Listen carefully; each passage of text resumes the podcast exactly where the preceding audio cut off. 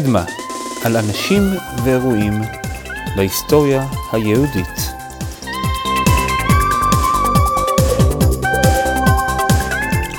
פרק 32 רבי שלום שבזי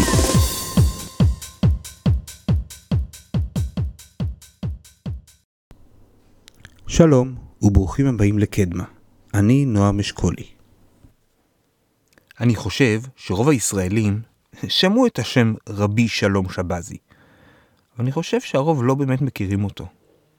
כנראה מי שבאמת מכיר אותו יזדעזע לשמוע על הניסיון שלי לספר עליו רק בחצי שעה, אבל אני אנסה. אז לפני שמתחילים, בואו רק ניישר קו לגבי השם רבי שלום שבזי. רבי, יותר נכון לקרוא לו מורי, ושלום, ש... שלום זה המצאה חדשה, אם הייתם קוראים לו שלום, הוא לא היה מסתובב. הוא נולד בשם סלם, או בעברית שלם.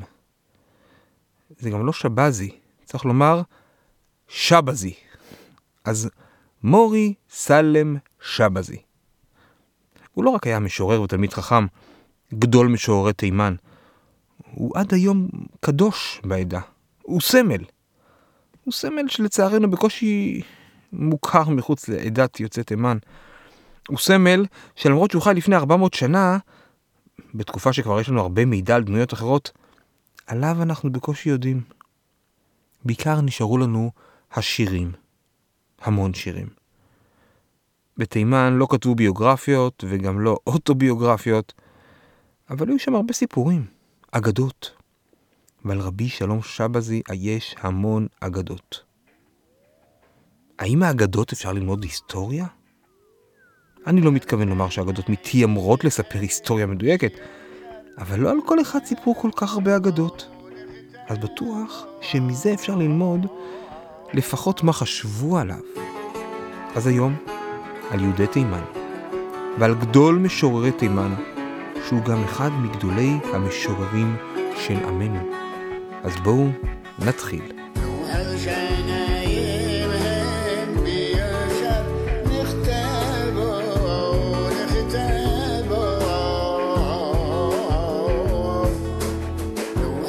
השנה היא 1619. המקום הוא כפר קטן בשם נג'ד אל-לוליד. זה נמצא בדרום תימן, לא רחוק מטייז, בירת תימן הדרומית. אני לא יודע איך אתם מדמיינים את תימן, אבל תימן זו מדינה די מגוונת, ובאזור שאנחנו מדברים עליו זה אזור הררי, עם הרבה טרסות ירוקות, מבצרים עתיקים בראשי הערים. בכפר הזה גרו הרבה יהודים, וביניהם גם משפחת משתא. אבי המשפחה, יוסף בן אביגד בן חלפון, הוא היה תלמיד חכם וגם משורר. האגדה מספרת, זאת רק האגדה הראשונה היום, שלילה אחד נראו בשמי תימן שני כוכבים מיוחדים. כוכבים שהסעירו את הקהילה היהודית וגם את המוסלמים. הם האמינו שזה סימן שהמשיח נולד. ובמקרה או שלא במקרה, במשפחת משתא נולד באותו לילה ילד בשם סלם, או בעברית שלם, שלם יוסף. אבל לפני שנספר עליו, ממתי בכלל היו יהודים בתימן? יש המון דעות, מסורות. אף אחת לא הייתה עם ממש הוכחות. המסורת הכי מוקדמת מספרת שבזמן שבני ישראל נדדו במדבר ממצרים לארץ, אז קבוצה קטנה פרשה והלכה לתימן. מסורת אחרת מספרת שבזמן גלות עשרת השבטים, חלק נדדו והגיעו עד תימן. יש כאלה שגם מצביעים שזה דווקא היה שבט דן. המסורת שאני חושב שהכי נפוצה בקרב יהודי תימן, שהיהודים הגיעו לשם בהתחלה בסמוך לחורבן בית ראשון.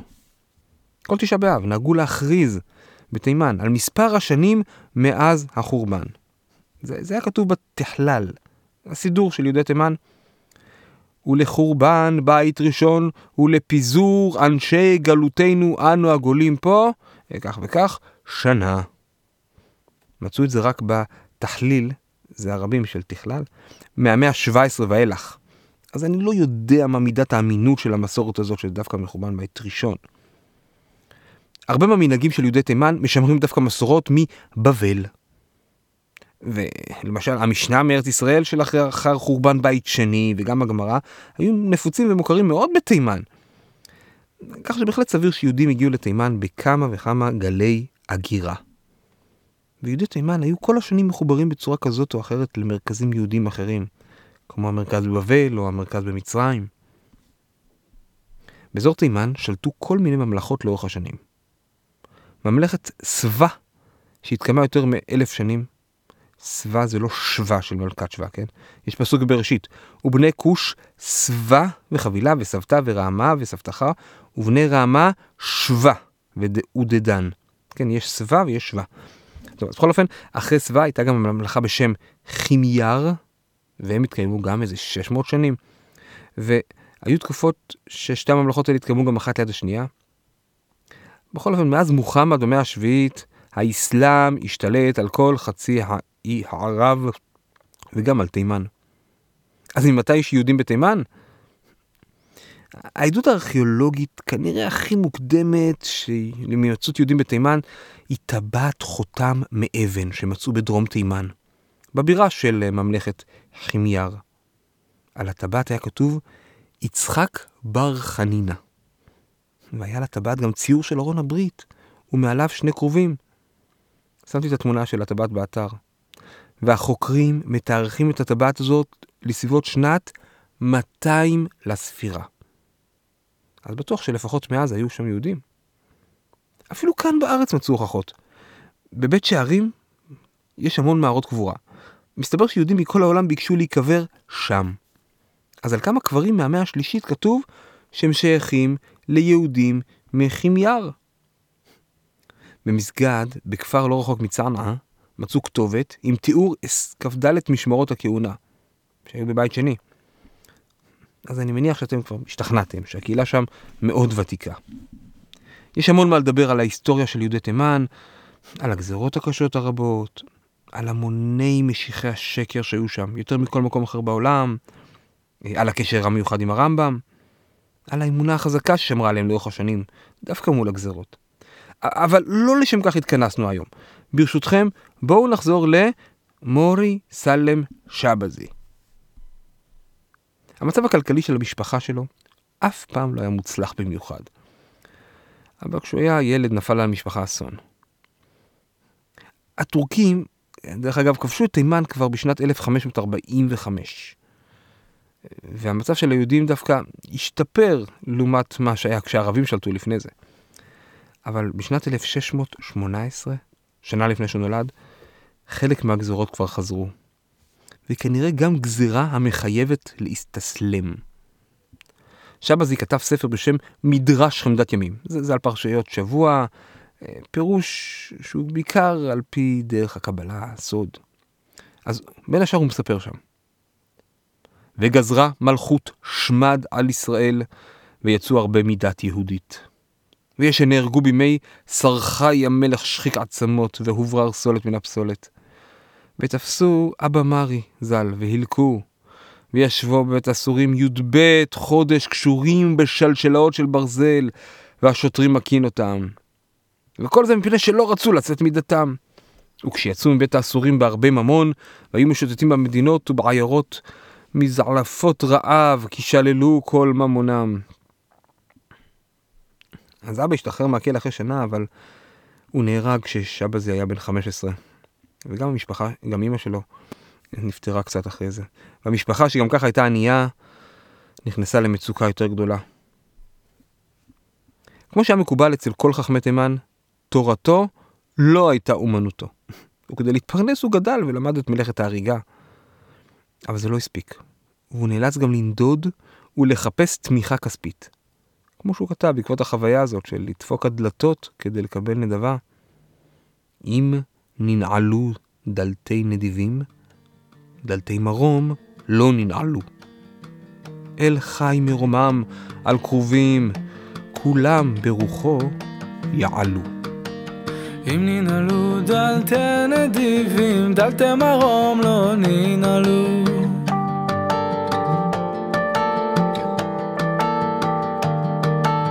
אל חי מרום עמל קירובים, כולם ברוחו יעלו.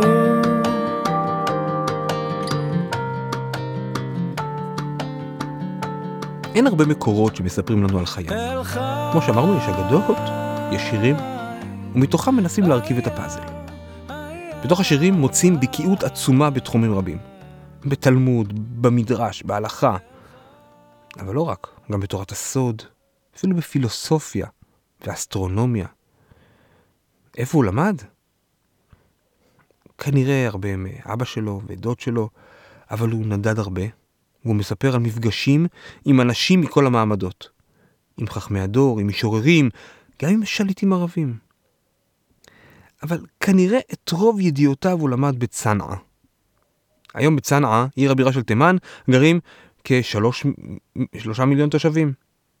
ולאורך רוב ההיסטוריה היא הייתה עיר מרכזית וחשובה. היא אחת הערים הכי עתיקות ביותר ששרדו בחצי האי ערב.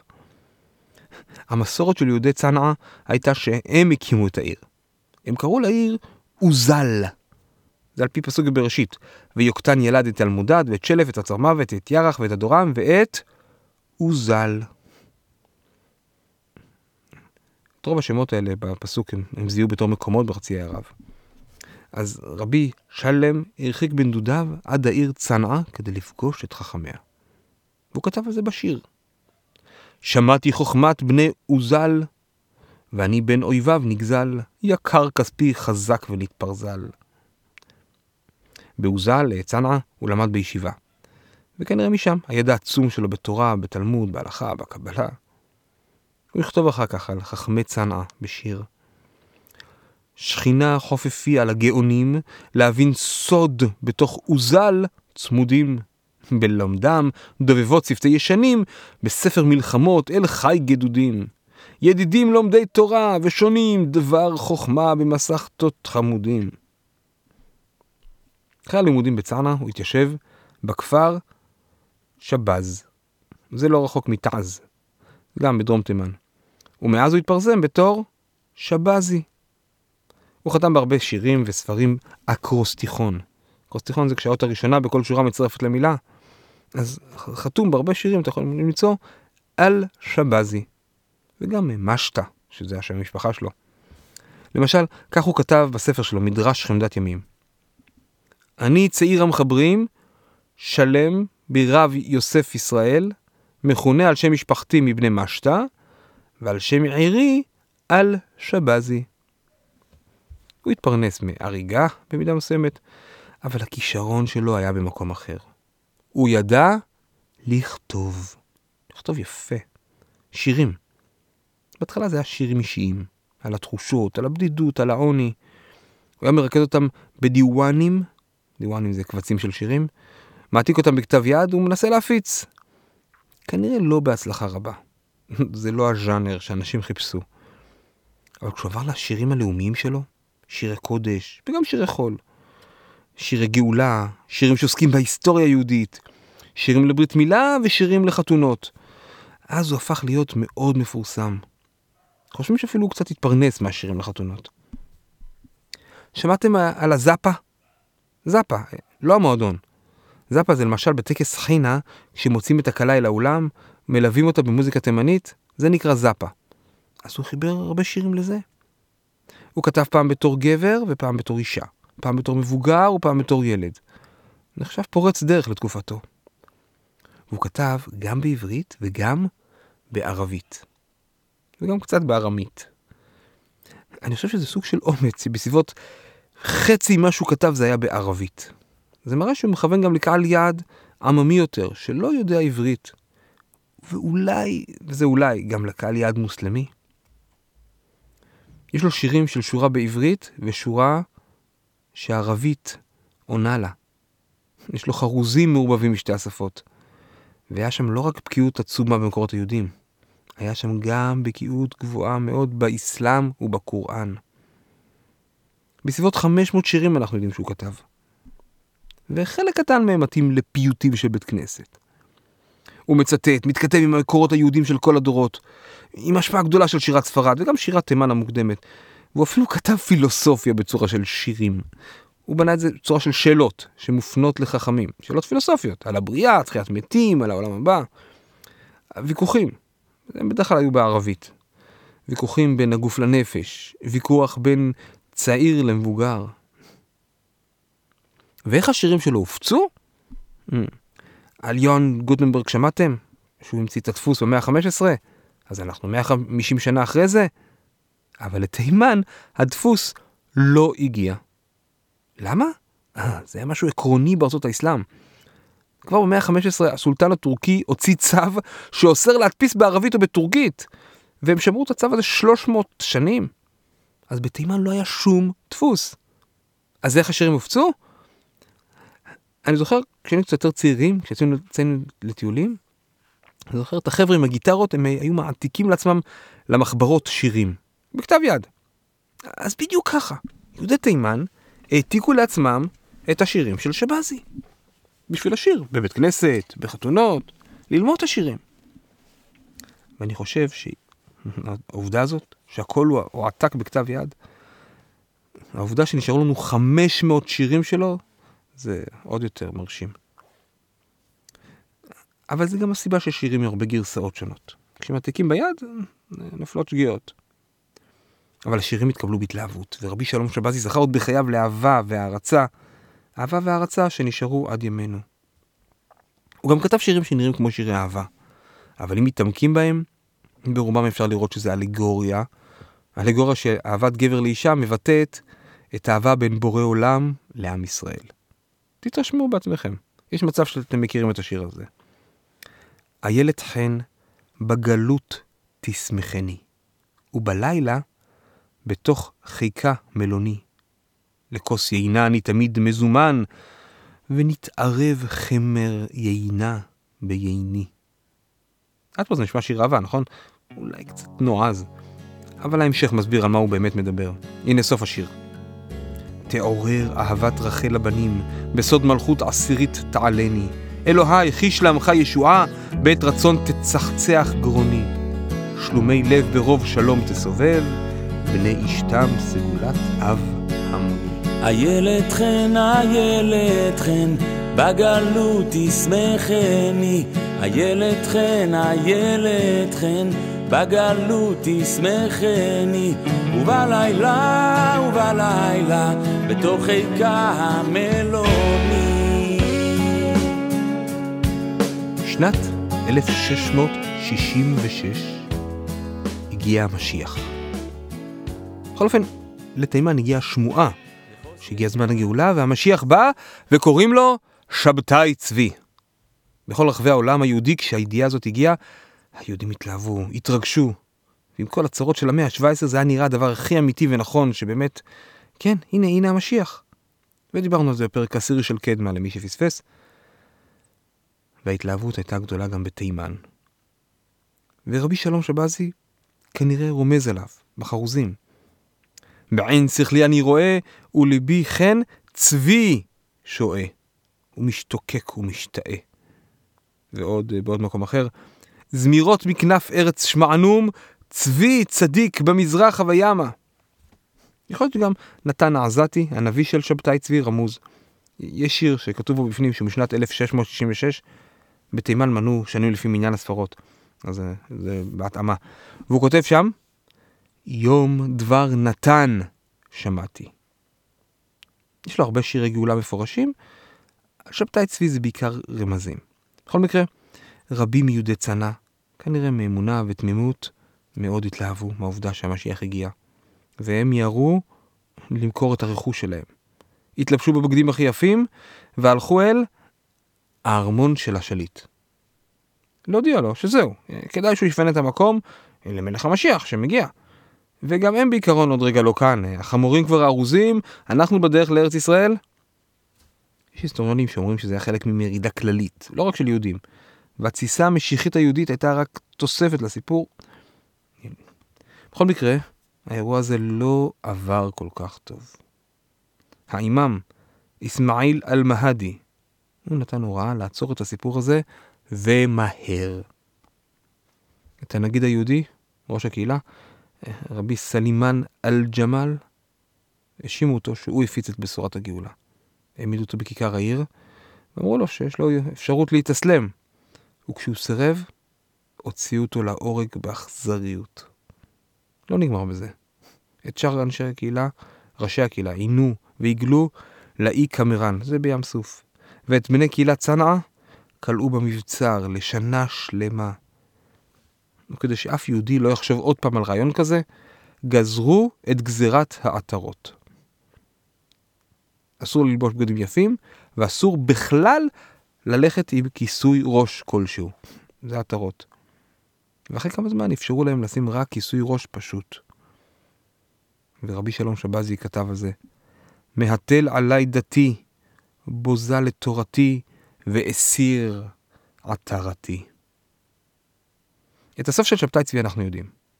הוא התגלה כמשיח שקר, הוא התאסלם למען הצלת חייו, והאכזבה והייאוש שזה גרם בכל העולם היהודי היו עצומים. איך בדיוק שבזי הגיב לזה אנחנו לא יודעים. דורות אחר כך די הצניעו את השירים שלו שנשמעת מהם תמיכה בשבתאי צבי. טוב, ברור למה. לא כל חכמי תימן האמינו ששבתאי צבי הוא משיח. אבל כמו שדי רואים, שב... שבזי כנראה כן. הוא, המשורר שמדבר על גאולה, שמעודד את העם כל הזמן מהצהרות, נותן להם תקווה בשירים, שירים שמתארים מציאות טובה יותר. וכשהנה, זה היה נראה שבאמת זה קורה, זה היה טבעי שהוא יתמוך. טוב, לפחות ממרחק, הוא לא פגש כמובן את שבתאי צבי בעצמו. בשבתאי צבי שבזי הפסיק להאמין. אבל בגאולה שהיא קרובה, הוא לא הפסיק להאמין כל חייו. So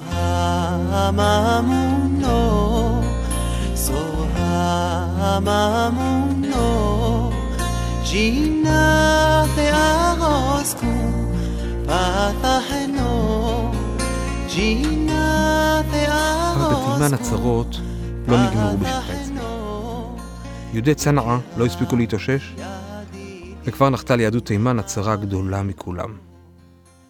עשר שנים אחרי שבתאי צבי, בשנת 1676, עלה לשלטון האימאם אל-מהד בן חסן אל-קסאם.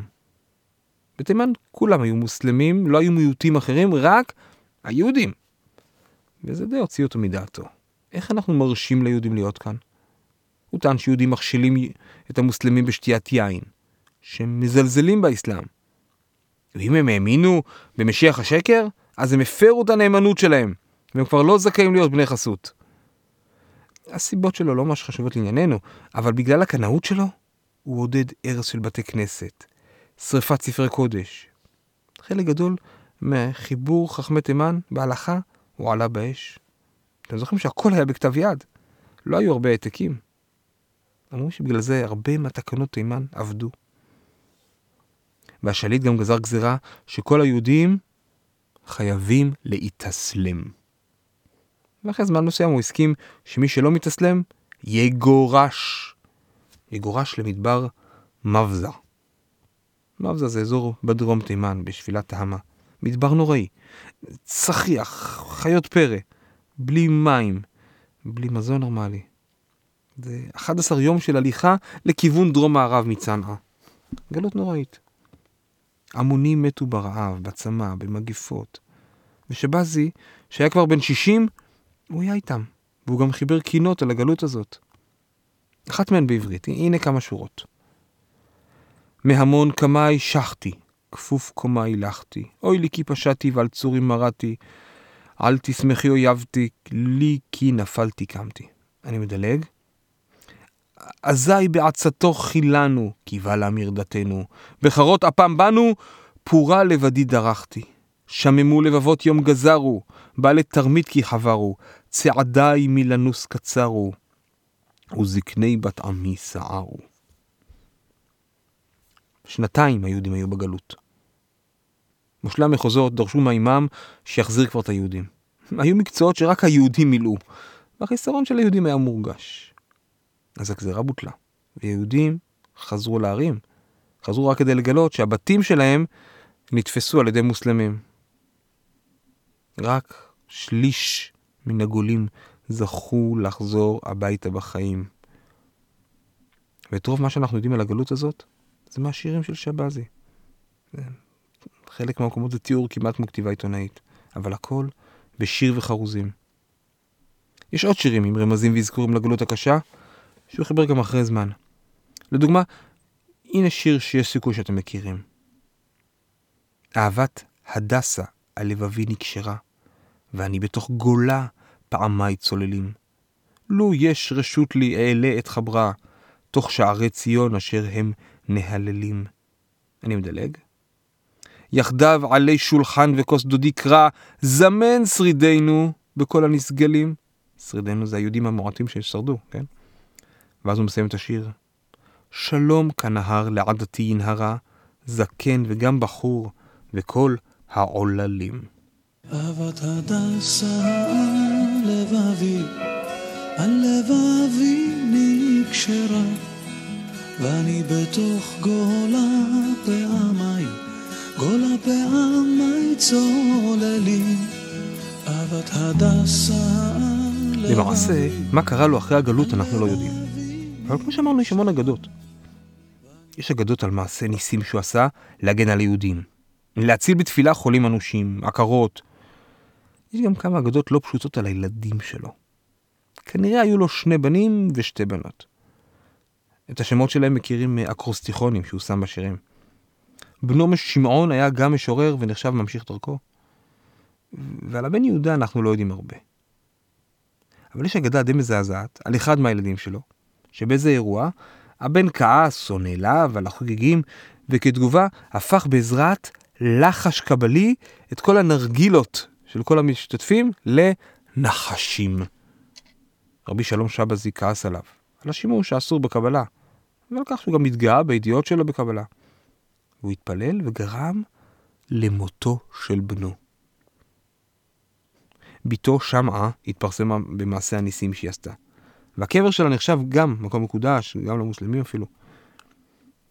אבל על הבת מרים, גם עליה יש איזו אגדה די מזעזעת, שפעם אחת המושל המוסלמי ראה אותה והחליט שהוא צריך להתחתן איתה. ולא עזר לרבי שלום שבזי ניסיונות השכנוע, והבת נלקחה. ותוך כדי מסע החתונה, רבי שלום שבזי רקד לידה, ורגע לפני שהיא נכנסה לביתו של המושל, שבזי התפלל והבת נפלה מתה במקום. לא צריך לחפש דווקא אמינות היסטורית מאחורי אגדות. אגדות באות להעביר מסר. זה מסר חינוכי לילדים וגם למבוגרים. ו... ואם ככה קרה לילדים של רבי שלום שבזי, ברור שאנחנו כולנו צריכים ללמוד את הלקח. אנחנו לא יודעים בכלל מתי הוא נפטר. אבל יודעים איפה הקבר שלו, בעיר טייז, במקום, בחוד הולדתו בדרום תימן. בתימן יהודים בדרך כלל לא היו בכלל עולים לקברים. אבל הקבר של רבי שלום שבזי היו מגיעים מכל רחבי תימן. קראו לזה זיארה, ביקור. יצירו יזורו מורי, מרי סלם. אנחנו הולכים לבקר את מורי סלם. להתפלל שם שבזכותו הם יתרפאו. ימצאו מזור למכאובים. יש גם אגדה על הבן של האימאם יחי חמיד עדין, הוא שלט בתימן בתקופה שממש לפני שיהודים עלו לארץ. אז האגדה מספרת שהוא פעם בעט בקבר של רבי, שב... רבי שלום שבזי בחמת זעם. אה, זלזול. ואז הרגל שלו התייבשה באוויר והוא לא יכל להזיז אותה. עד שביקש את מחילת הרב, ורק אז חזרה הרגל והתרפאה. הבטחתי לכם אגדות היום, נכון? יעקב ספיר גדל בירושלים, בתחילת המאה ה-19, חלק מקהילת הפרושים. הוא נשלח מירושלים להודו ואוסטרליה לגייס כספים, בין השאר גם הבנייה של בית כנסת החורבה, שדיברנו עליו פרק הקודם. אז המסעות שלו, והיו לו כמה כאלה, הם מרתקים, ולגמרי ראויים לפרק נפרד. מה, למה אני מספר את זה? בדרך הלוך הוא נשדד, ונאלץ לעצור בתימן. עד שהוא הצליח לעשות קצת כסף ולהמשיך הלאה בדרך. אבל בדרך חזור מאוסטרליה, הוא כבר תכנן את המסע כך שהוא ייכנס ויחקור את תימן. והנה קצת מה שהוא כתב אחר כך, את מה שהוא ראה בקבר של מורי סלם שבזי. על מקום קבורתו יש ציון גדול, ומערה בצידו, ומקווה מים עם בית תפילה, וספר תורה מכתב ידו, ועל קברו מאיר נר תמיד לא תכבה, כי רוב נדריהם מכל המדינה היא לשם בעל הנס הזה ובית תפילתו, וכל היהודים היושבים בעיר הקטנה הזאת מתפרנסים מזה. ויקר שם מרי סלם אל שבזי גם בעיני הגויים, מפני מעשה שהיה ונשבעים אך בשמו. כל יהודי תימן אשר לא מחלה וכל מקרה לא טוב, עם כוח בידו, לבוא שמה, יסכנו נפשם ללכת להתפלל על קברו. זה התיאור של המאה ה-19. הוא גם מספר שרק מי שירא השם, כשהוא נכנס למערה, הוא מוצא שם מים, ואז הוא יודע שהוא יתרפא. אבל מי שלא ירא השם, לא מוצא מים, המעיין יבש, אלא הוא מוצא רק נחש על הפתח. הוא גם מספר שהוא ראה את הספרים ששבזי כתב, והוא גם הוסיף אגדה יפה. אני, אני ממשיך לקרוא מהכתב. אומרים שבכל ערב שבת קודש היה עולה על ידי קפיצת הדרך לשבות פעם בירושלים, פעם בצפת, פעם בטבריה, פעם בחברון, ותשובתו אל ביתו במוצאי שבת קודש, כאשר כן כתוב בספרו. הייתי בירושלים וראיתי מחזה כך וכך, ובצפת כך וכך. גם את ספר השירים שלו ראיתי, משורר רם ונישא עד להפליא. יום ראשון עד יום שישי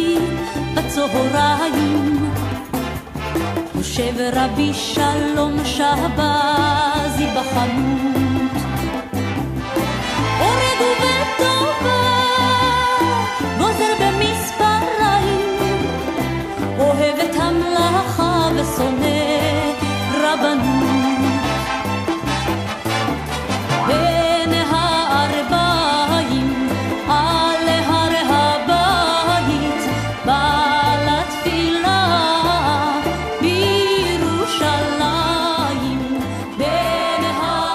שלום שבזי באמת הגיע לירושלים בקפיצת הדרך? שיהודי תימן עלו לארץ? קודם בעליית אלה בתמר ב-1881, שנה לפני מה שקוראים לו העלייה הראשונה. וגם בהמשך, במבצע על כנפי נשרים ב-1949, הם, הם לגמרי העלו את מורי סלם שבזי איתם. בעקבות השירים, הם דמיינו את ארץ ישראל כמו שהוא תיאר אותה, והפער למציאות היה גדול. אבל למרות זאת הם המשיכו. עבדו קשה, נאחזו בארץ, וכל הזמן המשיכו לשיר את שיריו. בכל רחבי הארץ יש רחובות על שמו. אחת מהשכונות הראשונות שנבנו מחוץ לחומות יפו נקראת שכונת שבזי. ועד היום, 400 שנה אחרי שהוא נולד, ממשיכים לחדש את שיריו. לשיר את שיריו של גדול המשוררים של יהודי תימן, ואחד מגדולי משוררי עמנו. ועד כאן להפעם. כרגיל עוד פרטים, מקורות ואיורים אפשר למצוא באתר הבית קדמה.xyz וכמו שאמרתי אני אשמח להערות והצעות. יש דף בפייסבוק ויש הקבוצה בטלגרם. אפשר למצוא אותנו בכל יישומון הסכתים אפליקציית פודקאסטים או בספוטיפיי. תודה שהאזנתם. מקווה שנהנתם. נשתמע בפרק הבא של